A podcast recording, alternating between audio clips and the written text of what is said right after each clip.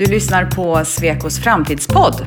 Här undersöker vi hur nya idéer, ny teknik och nya insikter kan göra framtidens städer och samhällen mer hållbara och samtidigt öka människors livskvalitet. Sweco arbetar för hållbara byggnader, effektiv infrastruktur och god tillgång till ren el, rent vatten och ren luft. Läs mer på sweco.se. Podden görs av Per-Vidar Lundberg. Hej och välkommen till Svekos framtidspodd, Tom Lord. Tack, jättekul att vara här. Ja, roligt att du vill vara med. Berätta var på Sweco du jobbar. Jo, jag sitter på uh, Sweco Environment, uh, gruppen Buildings och Environmental Management. Och jag vill prata med dig därför att jag vet att du sysslar med Green Due Diligence. Stämmer. Det här är då en snabbt växande tjänst hos oss på Sweco med anledning av det växande fokuset i samhället på hållbarhet och eh, olika former av långsiktighet när det gäller våra miljöfrågor. När du träffar någon som inte har en aning om vad du jobbar med, hur beskriver du Green Due Diligence då? Om vi tar det från uh, en due diligence perspektiv, det är när man köper en fastighet, det är en bedömning av den tekniska skicket av, eh, av hela fastigheten. Vad är det för, för risker med fastigheten? Om det finns uh, capex eller copex eller kostnadsrisker för underhåll. Och sen också miljörisker i uh, fastigheten, typ farliga ämnen eller förorening från ett gammalt industriområde. Um, kopplat till uh, green, uh, due diligence, vi har den här nischen som heter green due diligence. Den är en mycket uh, mer detaljerad och ehm, uh, framtidsplan framtidsplan med, med fastigheten. Om en, en köpare köpa en fastighet, det är en bedömning, vad faktiskt köper de? Finns det några risker från en hållbarhetsperspektiv? Man måste typ framtidssäkra den huset och deras investeringar. Så Green Due Diligence, det är ett nytt tjänst som vi offererar. Den kan eh, inkludera till exempel pre-certification analys. Så om de köper en fastighet kan de få ett, uh, ett certifikat, typ BREEAM eller WELL eller LEED, BREEAM and use till exempel, miljöbyggnad i drift. De certifieringssystem, de är jättebra för att uh, de kan kolla på fastigheten, vad det är för nuvarande status. Är det en bra fastighet? Kan det vara bättre? Och sen uh, vi hjälper dem att uh, göra en åtgärdsförslag, hur de kan uh, förbättra fastigheten för energidriften, om det finns problem inomhus för de som jobbar där allt inom det, det finns väldigt, väldigt många detaljerade frågor som vi går igenom. Har fokuset på den gröna delen av att utvärdera en, en byggnads kvalitetsskick, har det ökat? Jo, så det var eh, en stor förändring. Jag har jobbat för, med due diligence typ uh, sju år nu. Och uh, när jag började, det var nästan ingen fokus alls. Inga kunder frågade om, uh, om hållbarhet, ingen frågade om, um, om certifiering. Men just uh, det här året har, har det varit en helt, uh, helt nytt, nytt sätt att fråga som har kommit in om hur bra är fastigheten? Hur mycket energi använder fastigheten? Uh, har den en certifiering? Uh, jätte, jättemånga nya frågor som har aldrig varit där när, när man köper en fastighet tidigare. Vad beror det här ökade intresset på? Jo, jag tror det är väldigt många nya faktorer, men uh, man måste tänka som ett stort del, the Greta effect. Det kommer från uh, till exempel hållbarhetsmålen som kommer in, eh, uh, nya investeringskrav för att uh, visa till investerare att uh, man tankar på hållbarhet och tankar på, på framtiden. Och också med, med vädret till exempel. Vädret har ändrats jättemycket de senaste fem åren. Det finns mycket skyfall, say rains a lot. Den är ett stort problem för, för, för de flesta byggnader till exempel.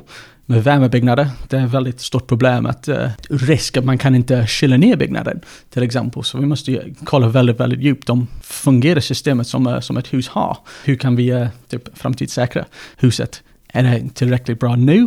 Vad kommer hända om uh, temperaturen ökar över kommande året? Och vilka är det som kommer till dig och till Sweco och efterfrågar den här tjänsten? Vilken är den typiska köparen av Green Due Diligence? Jo, det är så, så, så, så, pass, eh, så pass nytt. Men eh, just nu har vi, eh, har vi ett uh, fastighetsfond och eh, deras eh, investerare och försäkringsbolag har ställt ett krav för att göra en green due diligence-undersökning innan de, de, de satsar pengar.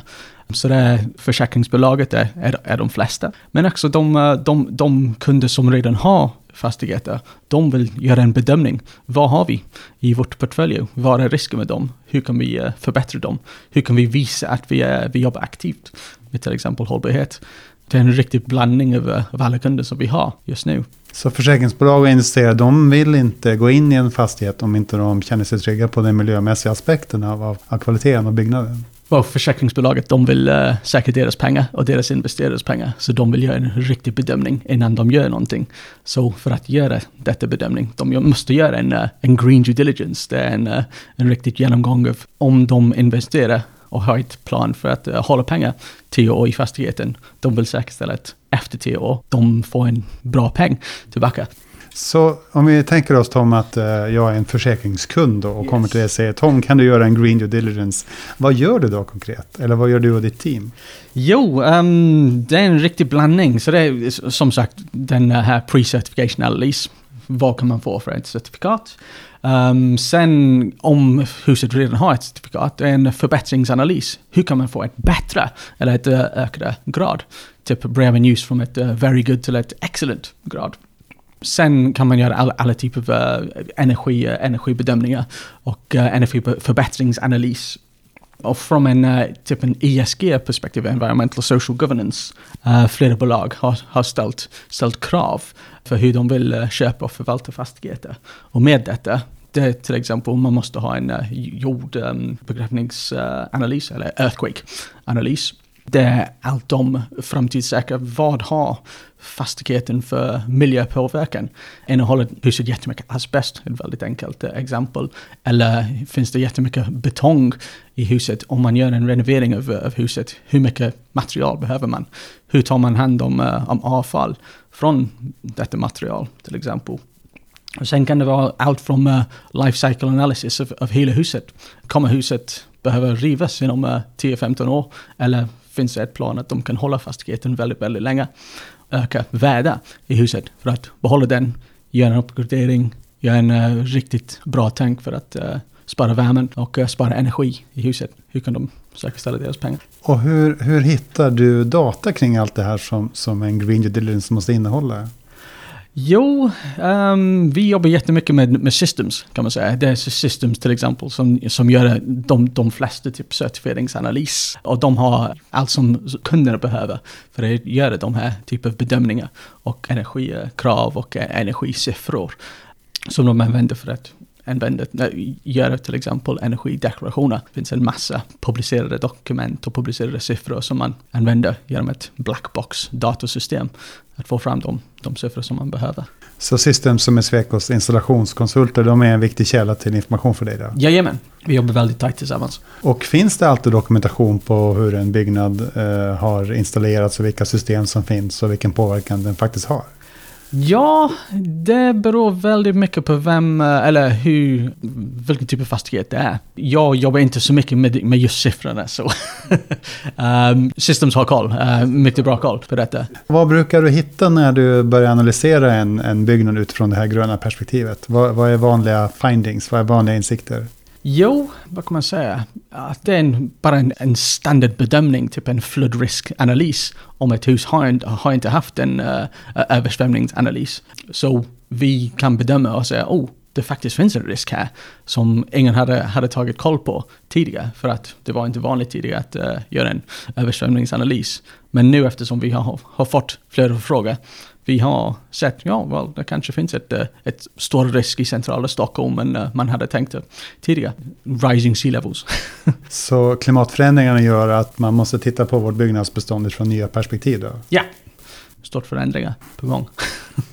De här olika certifieringarna som du nämnde, varför är det viktigt för en byggnadsägare eller förvaltare att ha olika certifikat? Vad spelar det för roll? Well, om, om, om ett byggnad har ingen certifi certifikat, du menar att ingen har gjort någon form av bedömning av eh, nuvarande status av huset.